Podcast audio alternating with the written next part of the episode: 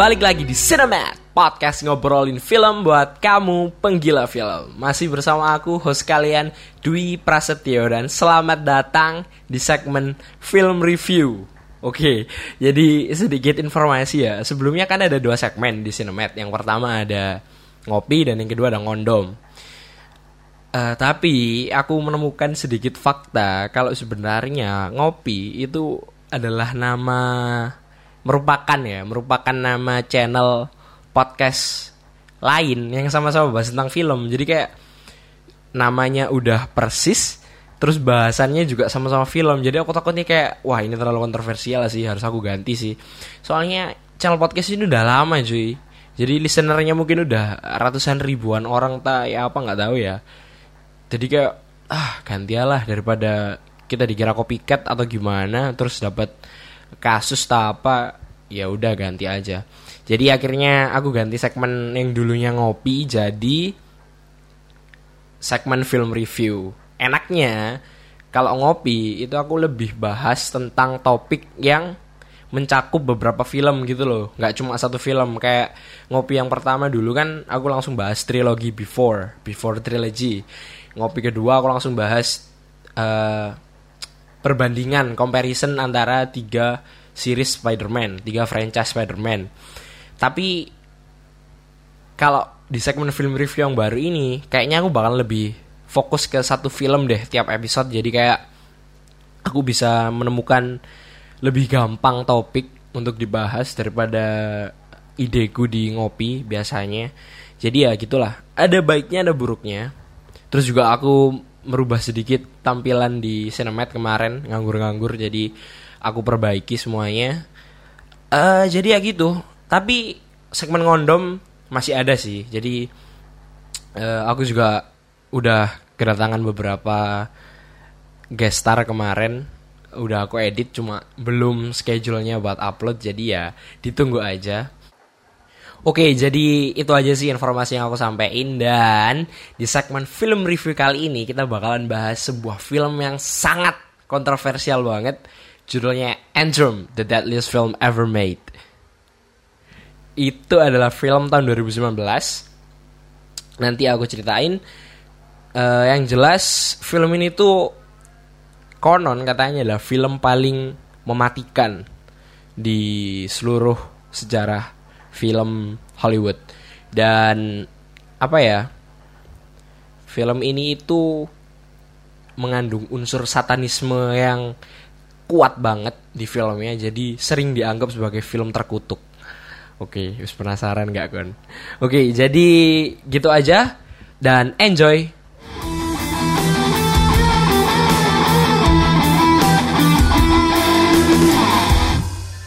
Oke, jadi sedikit gambaran umum ya. Film Antrum ini itu adalah film yang disutradarai oleh David Amito dan Michael Laisini. Aku nggak tahu bacanya gimana. Pada akhir 2018 dan baru dirilis di US tahun 2019. Nah, film ini itu baru hits banget, baru viral banget ketika ditayangkan di Jepang dan banyak reaksi orang Jepang yang istilahnya apa ya menganggap kalau ah film ini gimmick doang. Nggak semenakutkan itu dan kawan-kawan. Terus juga ada sempat ini sih apa tren di TikTok. Jadi orang-orang e, menceritakan pengalamannya setelah nonton film Antrum jadi kayak ada yang nggak bisa tidur lah ada yang e, tiba-tiba jatuh kecelakaan terus harus di harus dirawat di rumah sakit lah. Ada yang merasa kalau dia ditemani saat dia tidur dan kawan-kawan. Nah bener nggak sih? Ini tuh cuma gimmick atau filmnya yang bener-bener uh, terkutuk gitu ya seperti klaimnya. Jadi uh, sedikit informasi aja film ini itu sebenarnya remake man jadi film Antrum yang rilis tahun 2019 itu sebenarnya remake dari film berjudul sama yang diproduksi tahun 1970-an. Jadi kemungkinan besar yang terkutuk dan yang paling mematikan adalah film yang ori, film yang tahun 1970-an. Bahkan aku udah riset nih dan aku menemukan fakta yang sangat-sangat menakutkan, men. Jadi di pemutarannya di Festival Film Budapest tahun 1988 itu diputarkan di bioskop kan dan guess what bioskopnya kebakaran cuy gila gak jadi di film itu ada sedikit cuplikan tentang histori film ini. Jadi biasanya kalau film eh kalau bioskop kebakaran itu terjadi saat itu terjadi awal mulanya dari ininya dari recording roomnya di mana banyak disimpan tape tape filmnya. Jadi kayak paper roll eh kok paper roll? Tape rollnya film yang hitam tipis itu ternyata sangat flammable. Jadi kalau misalnya bioskop kebakaran awalnya dimulai dari situ. Tapi yang kebakaran itu dimulai dari studio cuy. Jadi kalau di filmnya ya orang-orang eh, kalau di filmnya itu sutradaranya ngomong kalau jadi seakan-akan film ini eh jadi seakan-akan penonton ini terbakar di kursi mereka masing-masing. Jadi kayak oke okay lah api dan setan. Jadi kayak relate gitu kan. Jadi untuk uh, menambahkan kesan horor di filmnya jadi uh, merinding sih pas pertama kali gue baca dan ternyata nggak cuma di festival film Budapest tahun 1988 kejadian serupa itu terulang di San Francisco Film Festival tahun 1993. Sebanyak 30 penonton film itu terbunuh setelah gedung bioskop meledak. What the fuck, man? Ah, terus uh, ada lagi satu uh, di mana ya? Aku lupa ya. Pokoknya ada di film dibahas tapi aku nggak nemu di nggak nemu di internet. Intinya ada salah satu penayangan lagi di bioskop juga sama itu orang-orang udah masuk ke bioskop nggak terjadi kebakaran nggak apa setelah film ditayangkan mungkin setengah jam atau satu jaman orang-orang itu pada gila men. Jadi mereka itu kayak entah ketakutan entah apa mereka berbondong-bondong lari untuk keluar studio bioskop dan studio bioskopnya kekunci men. Dan nggak ada yang nggak ada yang sadar nggak ada yang ngunci nggak ada yang apa. Dan akhirnya mereka memulai apa ya start riot gitu loh jadi kayak mereka musengan nang jero studio loh men sampai akhirnya ada petugas yang tahu kalau itu terbuka terkunci terus akhirnya dibuka kan tapi pas mereka lagi kisruh di dalam itu ternyata ada dua orang meninggal cuy yang satunya adalah perempuan ibu hamil Gila gak? Men. Wow, aku pas lihat film ini itu kayak ih gendeng temen dah ini. Tapi ternyata pas aku riset juga iya bener emang gitu. Jadi setelah kejadian-kejadian mematikan itu, film ini tuh hilang peredarannya.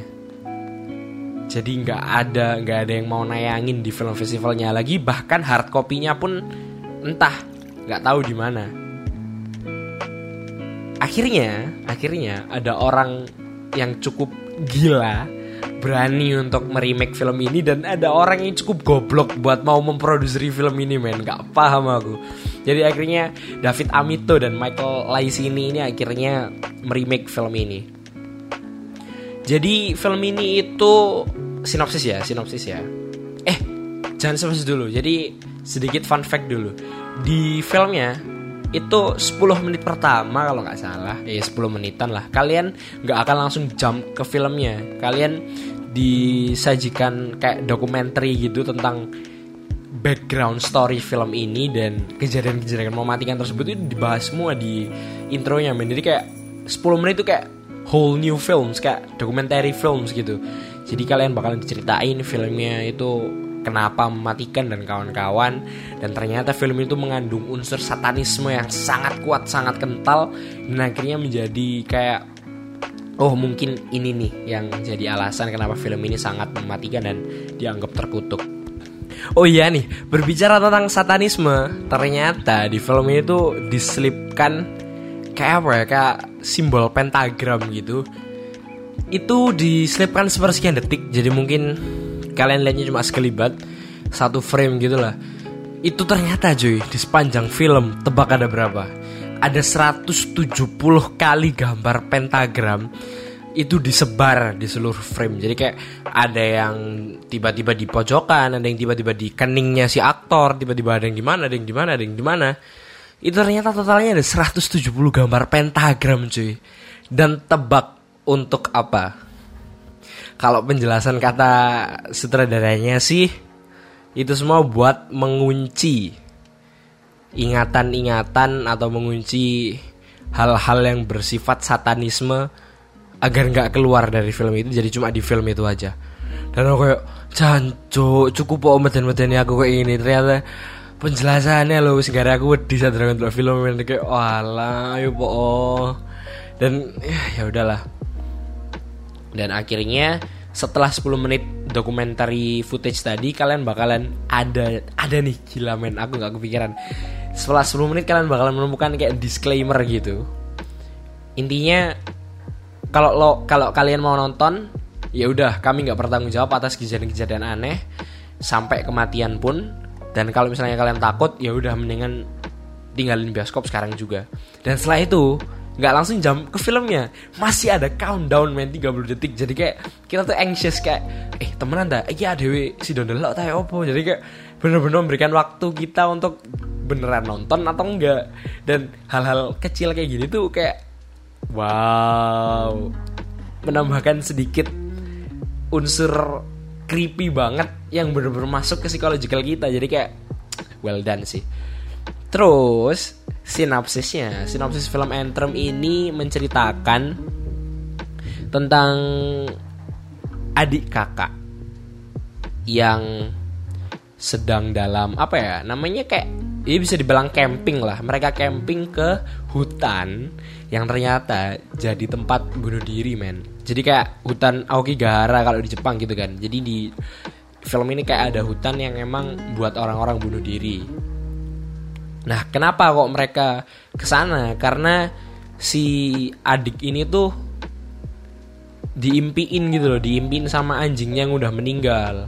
Terus akhirnya dia tanya kan ke ibunya, "Mah, kalau anjing meninggal itu pasti ke surga kan?" Gitu, pertanyaannya gitu. Tapi ibunya malah bilang kalau enggak buat anjingmu karena anjingmu anjing yang nakal dia pasti pergi ke neraka jadi semenjak perkataan itu dia tuh kayak diimpiin terus itu loh sama anjingnya. Jadi kayak setiap malam dia bangun gitu kan. Terus kakaknya tuh yang tahu kejadian ini kejadian aneh di adiknya dia tuh kayak berusaha menenangkan gitu loh. Kayak ya udah wis ayo kita ke uh, hutan ini buat menemui si anjingnya yang udah mati di neraka jadi perjalanan camping mereka di hutan yang tempat buat orang bunuh diri itu ternyata mereka bakalan ngegali sesuatu yang dipercayai bahwa kalau digali dengan cara yang benar dan uh, ritual yang benar itu adalah gerbang pintu neraka men. Oke, mungkin kon mikir lek amput sinopsisnya kok freak ini iya emang sinopsisnya freak banget aku ro bahkan setengah jam awal film aku kayak iki temen tak kok ini segampang ih kita melbu pintu neraka dan kawan-kawan. Tapi ternyata di uh, pertengahan film dan ending film kalian mendapatkan dua plot twist sih yang itu menurutku keren banget. Jadi yang awalnya aku mah meh cuma red, mau ngasih rating 3 karena storynya nggak masuk akal bisa jack up dua kali lipat bahkan lebih ya. Karena dua plot twist ini yang keren banget Oke, jadi kakaknya namanya Orally itu dimainkan oleh Nicole Tompkins dan sang adik Nathan dimainkan oleh Rowan Smith. Jadi ini bener-bener kayak apa ya? Kayak tipe-tipe found footage films gitu kayak kalau kalian udah pernah nonton Blair Witch gitu kan. Ini tuh kayak punya mood yang sama dari segi sinematografisnya. Terus uh, kita langsung bahas ke ini aja ya. Kita langsung bahas ke plus dan minus film ini ya. Plusnya moodnya itu horror banget. Sumpah. Kayak nggak cuma nakutin aja di mata tapi itu kayak masuk ke dalam kulitmu gitu loh. Spookiness eh kok spookinessnya gitu. Jadi kayak wih bener-bener merinding sih lek lo itu yang pertama. Dan yang kedua adalah ya dua plot twist tadi. Menurutku plot twist yang sangat-sangat bikin film ini lebih baik dari ekspektasi orang-orang yang cuma nonton setengah jam awal. Karena emang plot twist ini yang jadiin film ini oh jadi gini maksudnya. Oh ala jadi gitu. Maksud jadi kayak banyak pertanyaan pertanyaan terjawab gara-gara dua plot twist ini sih. Terus yang ketiga kelebihan film ini tuh apa ya berhasil berhasil menghadirkan nuansa tahun 70-an men. Jadi kayak aduh aku aku sampai takut cancuk ini remake ta? Ancen hard copy filmnya ditemukan terus di ya. Lek hard copy sing original lah mati aku baru dulu film ini ngono kan? Tapi ternyata enggak. Tapi ternyata ini cuma remake. Tapi believable banget gitu screenplaynya men. Kayak bener-bener di syuting tahun 1970-an jadi kayak aku sempat wedi juga gitu loh uh, terus apa lagi ya kelebihannya oh iya kelebihannya no jump scare men jadi kalian gak usah takut ini bukan tipe-tipe film horor yang murahan yang cuma ngejump scarein kalian. Film ini tuh kayak psychological horror, man. Jadi bener-bener main di otak kalian, bener-bener main di perasaan kalian, musiknya, sinematografinya, pacingnya. Jadi kayak bener-bener kena lah.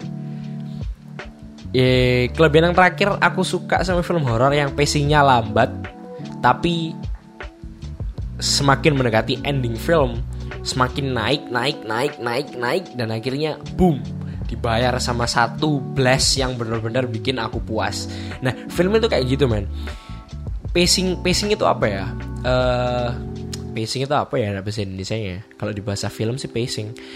Uh, tempo tempo. Tempo filmnya tuh santai pelan pelan. Semuanya di build up satu-satu. Kita diperlihatkan ini itu ini itu tanpa tanpa apa ya kayak tiap malam tiba-tiba ada jump scare tiap malam ada jump scare. Enggak ini tuh bener-bener build up santai pelan pelan pelan lama-lama.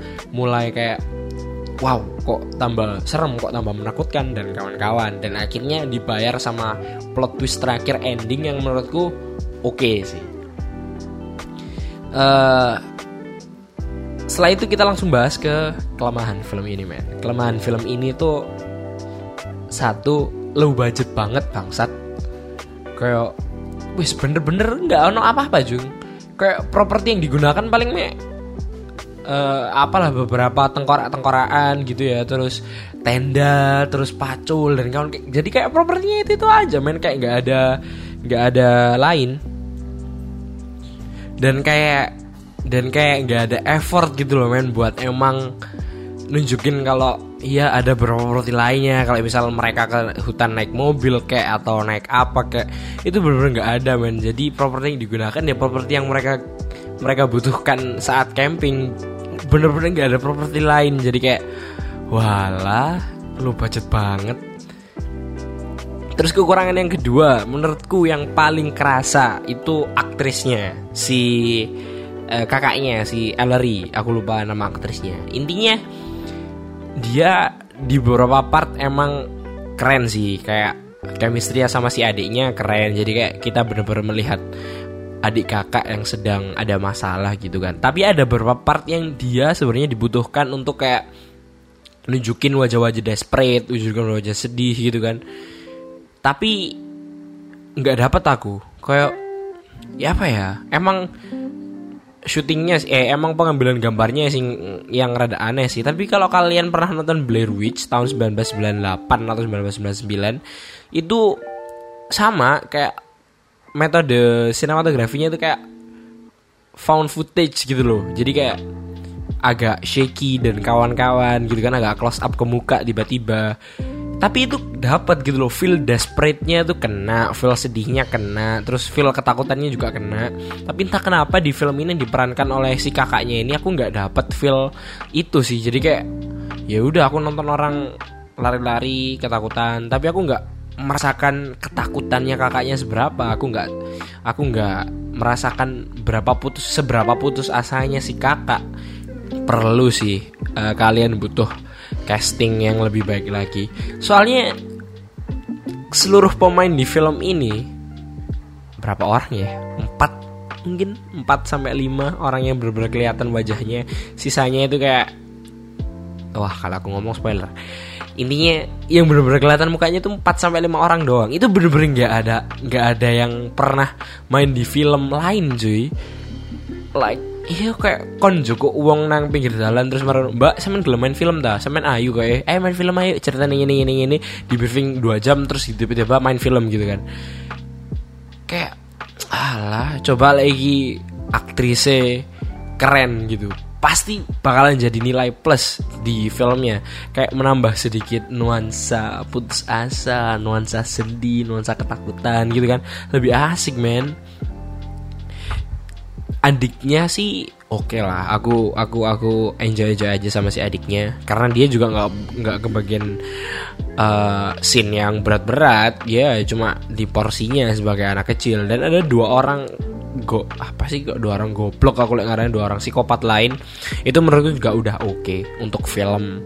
Bisa dibilang ini film B movie lah. Film yang low budget banget promosi yang seadanya dan ya gitu nggak sampai kayak blockbuster films yang triple A.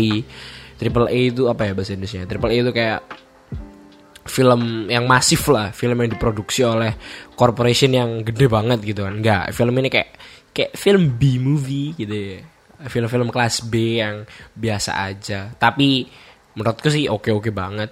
Terus kekurangan yang ketiga menurutku adalah jadi lah kon film iki, iku bla bla bla bla bla ending ya kan. Setelah ending iku kon bakalan dikasih tulisan apa ya? Oh, the end, the end. Jadi di ending kan bakalan melihat the end. Setelah the end, kredit sebentar mungkin 5 sampai 6 detik, terus kayak ada extras kan. Lah kalau normalnya di film-film lain extras itu menunjukkan hal-hal yang nggak penting gitu kayak misal Avengers lah yang paling banyak extras. Extrasnya itu kayak nggak penting tapi seru gitu kan. Nggak penting dalam artian dia cuma apa ya ngasih teaser kalau ada lanjutan dari film ini. Dan di film itu nggak men. Setelah di end extrasnya itu panjang banget cuk mungkin ada 6 menit sampai 7 menit dan parahnya itu mempengaruhi ending jadi kayak setelah ending karena ending kedua jadi kayak jancuk kok gini teknisi aku gak yakin film tahun 1970-an kayak gini tapi untung sih ending yang kedua lebih baik daripada ending yang pertama jadi aku kayak oke okay. Oke okay, oke. Okay. Jadi seharusnya lah aku jadi sutradara atau editor ya aku nggak bakalan naruh tulisan di end gede di ending yang pertama. Aku bakalan ngehapus tulisan di end, langsung tak sambung sama uh, ending yang kedua jadi satu ending yang menurutku bakal saling saling melengkapi dan menurutku keren banget sih kalau misalnya jadi satu ending. Aku nggak paham kenapa harus dipisah setelah kredit singkat gitu. Tujuannya apa aku juga nggak paham. Aku nggak pernah menemukan film-film lain yang ekstrasnya kayak gitu. Dan yang terakhir kekurangannya menurutku adalah filmnya terlalu apa ya bisa dibilang filmnya terlalu apa ya? Filmnya terlalu maksain alur, terkesan kayak maksain alur. Tapi sebenarnya kalau kita tunggu sampai plot twist atau big revealnya kita bakalan oh emang gitu toh. Jadi tapi apa ya? Terkesan memaksakan alurnya itu sepanjang mungkin setengah jam atau 40 menitan. Jadi kalian kayak kesusu emosi dewe gitu loh. Tapi asli ini ada ada plot twist yang bakalan menjelaskan kenapa kok kayak gitu, kenapa kok kayak gitu. Jadi kayak oke, okay, it's still it still bisa di enjoy gitu yang bisa ditonton. Tapi menurutku ah, enggak lah men kepanjangan 30 menit atau 40 menit untuk sebuah reveal yang penting banget. Oke jadi gitu aja sih kelebihan kekurangan film ini.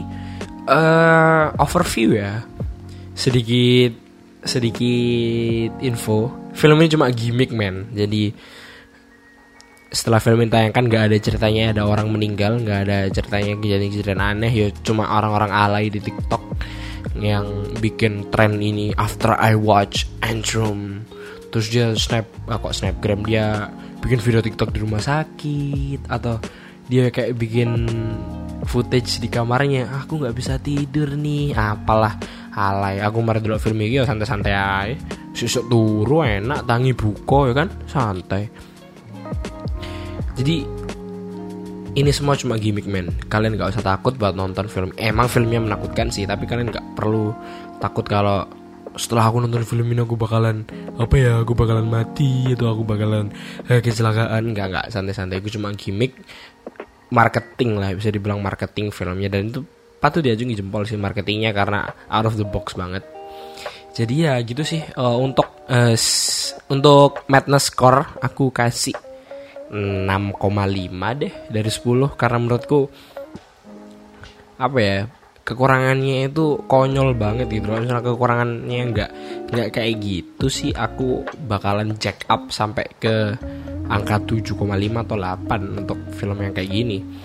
Masih jauh lebih bagusan Blair Witch tahun 1998 atau 1999 kalau kalian tahu atau pernah nonton filmnya kalau misalnya kalian pingin di review juga nggak apa-apa. Uh, eh, DM langsung aja di Instagram @dipras149 aku bakalan bikin episode tersendiri kalau kalian yang suka tentang Blair Witch. Karena ini film lama cuy. Tujuannya apa juga nge-review film lama kecuali kalau emang dari kalian banyak yang request. Oke. Okay. dan fun fact terakhir nih guys Aku sangat merekomendasikan kalian mendengarkan film ini menggunakan headphone atau headset atau earset terserah. Kenapa? Karena ternyata di ending itu kita dijelaskan bahwa kalau kalian setelah menonton film ini merasakan sedikit kayak apa ya kayak ketakutan atau paranoid gitu itu ternyata disebabkan oleh soundtracknya jadi soundtracknya itu selain spooky itu ternyata mengandung gelombang-gelombang gelombang frekuensi itu yang uh, lebih dari uh, apa ya normal film-film yang lain. Jadi kayak frekuensinya lebih gede. Jadi kayak emang itu mempengaruhi saraf kalian. Jadi setelah kalian nonton film ini kalau kalian uh, merasa paranoid atau ketakutan atau anxious ya itu emang normal tapi jujur sih aku ngerokok gak speaker jadi kayak oke okay lah selama tahu gak nggak headset tapi like kan ingin mendapatkan full experience mendengar uh, menonton film ini yo direkomendasikan sangat menggunakan headset untuk Metascore 6,5 dari 10 lah ya bener oke okay. Setelah ini kita bakalan bahas spoiler talks. Jadi buat kalian yang belum nonton, kalau kalian pengen nonton ya udah nonton aja. Kalau kalian nggak pengen nonton bisa lanjutin di spoiler talk setelah ini. Oke, jadi buat kalian yang mau nonton silahkan nonton dulu dan sampai jumpa di episode selanjutnya. Dadah. Eits, sebentar lagi kalian akan memasuki spoiler talks. Jadi buat kalian yang belum nonton, spoiler alert.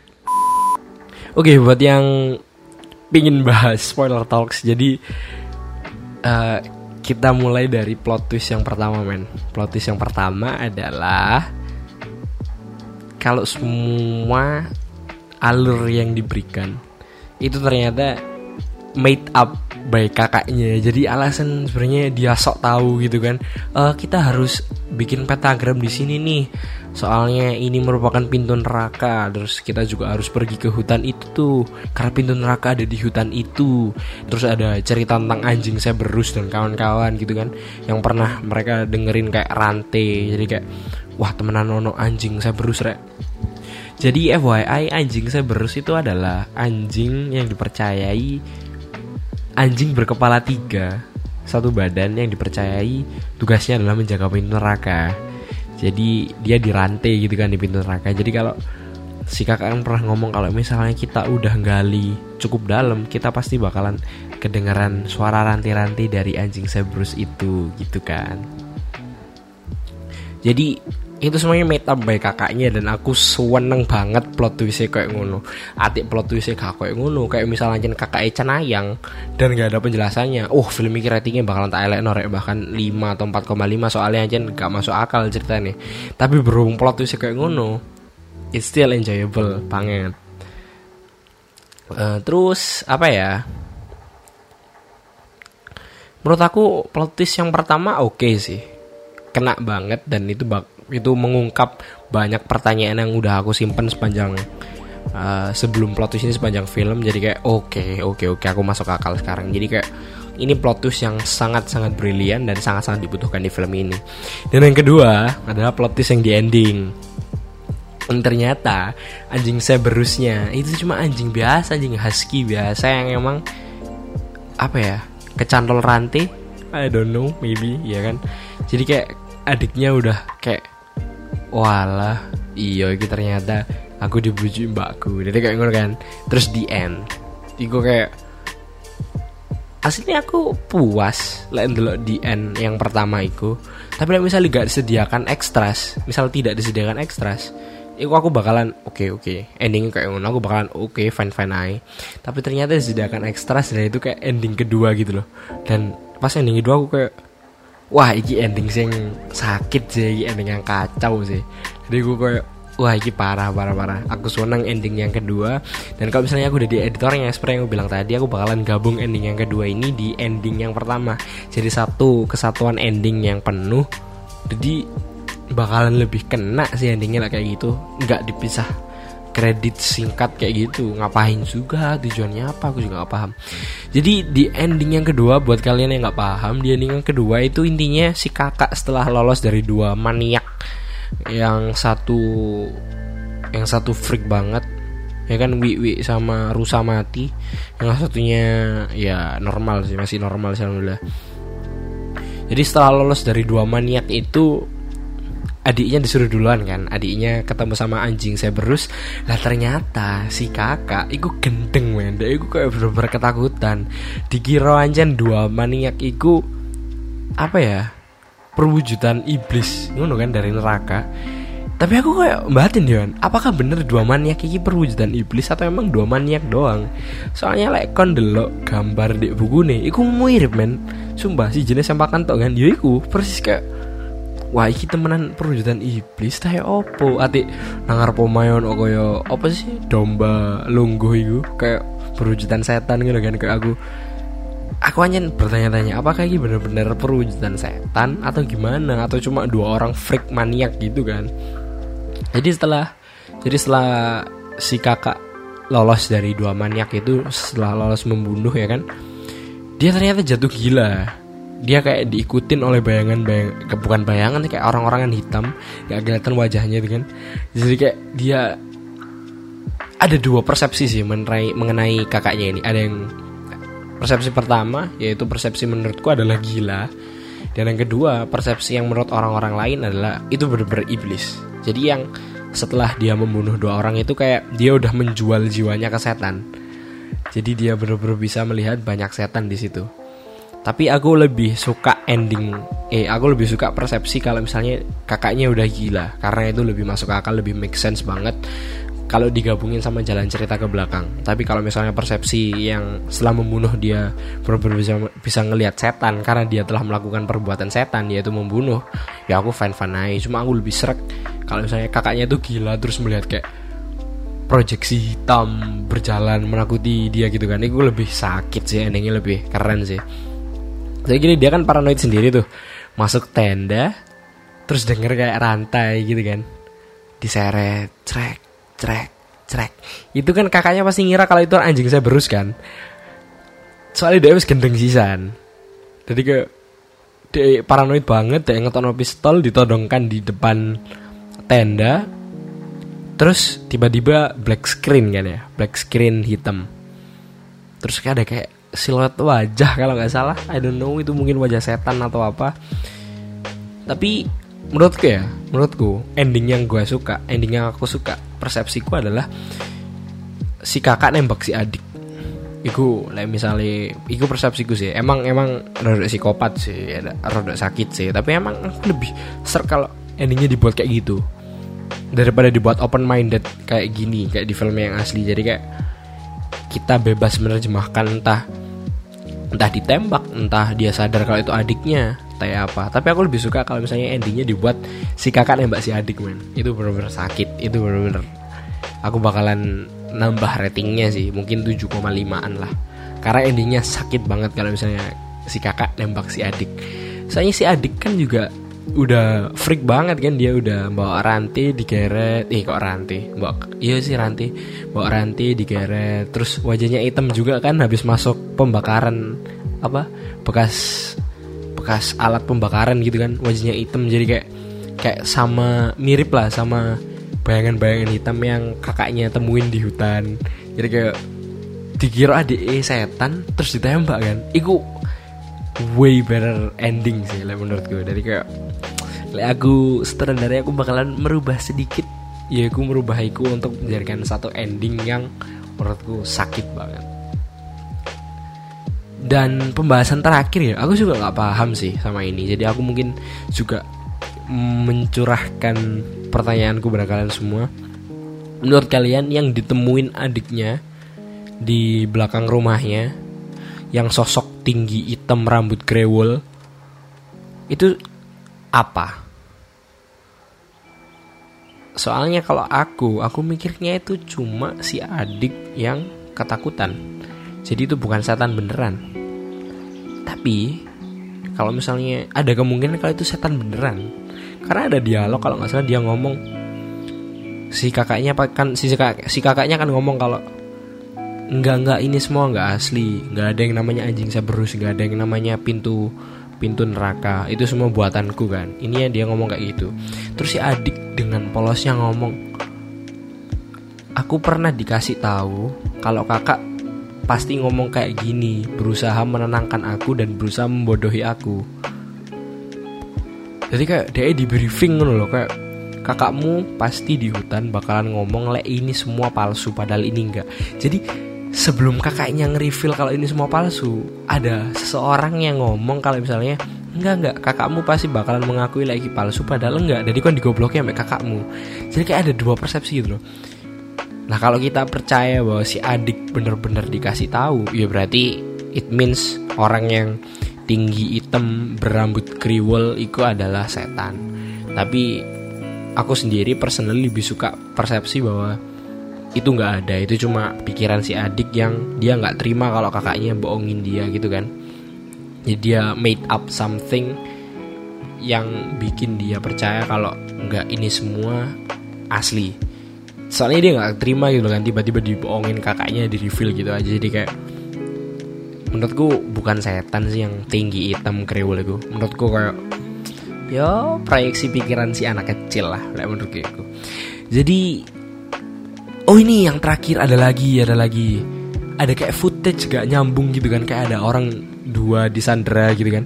Aku nggak paham iku apa. Sama sekali nggak paham aku iku apa. Mungkin kon mungkin kono sing paham iku apa. Oleh bahas langsung DM langsung di @dwi per sembilan. Kita bahas tentang persepsi itu sih.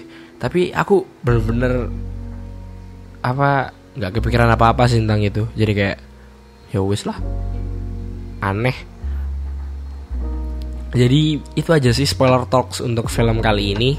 Film Anthem kali ini. Jadi makasih banget udah dengerin sampai akhir. Makasih banget udah uh, misalnya kalau kalian belum belum nonton terus tiba-tiba kalian nonton karena dengerin podcast ini aku makasih banget. Berarti aku sangat dihargai bikin review film.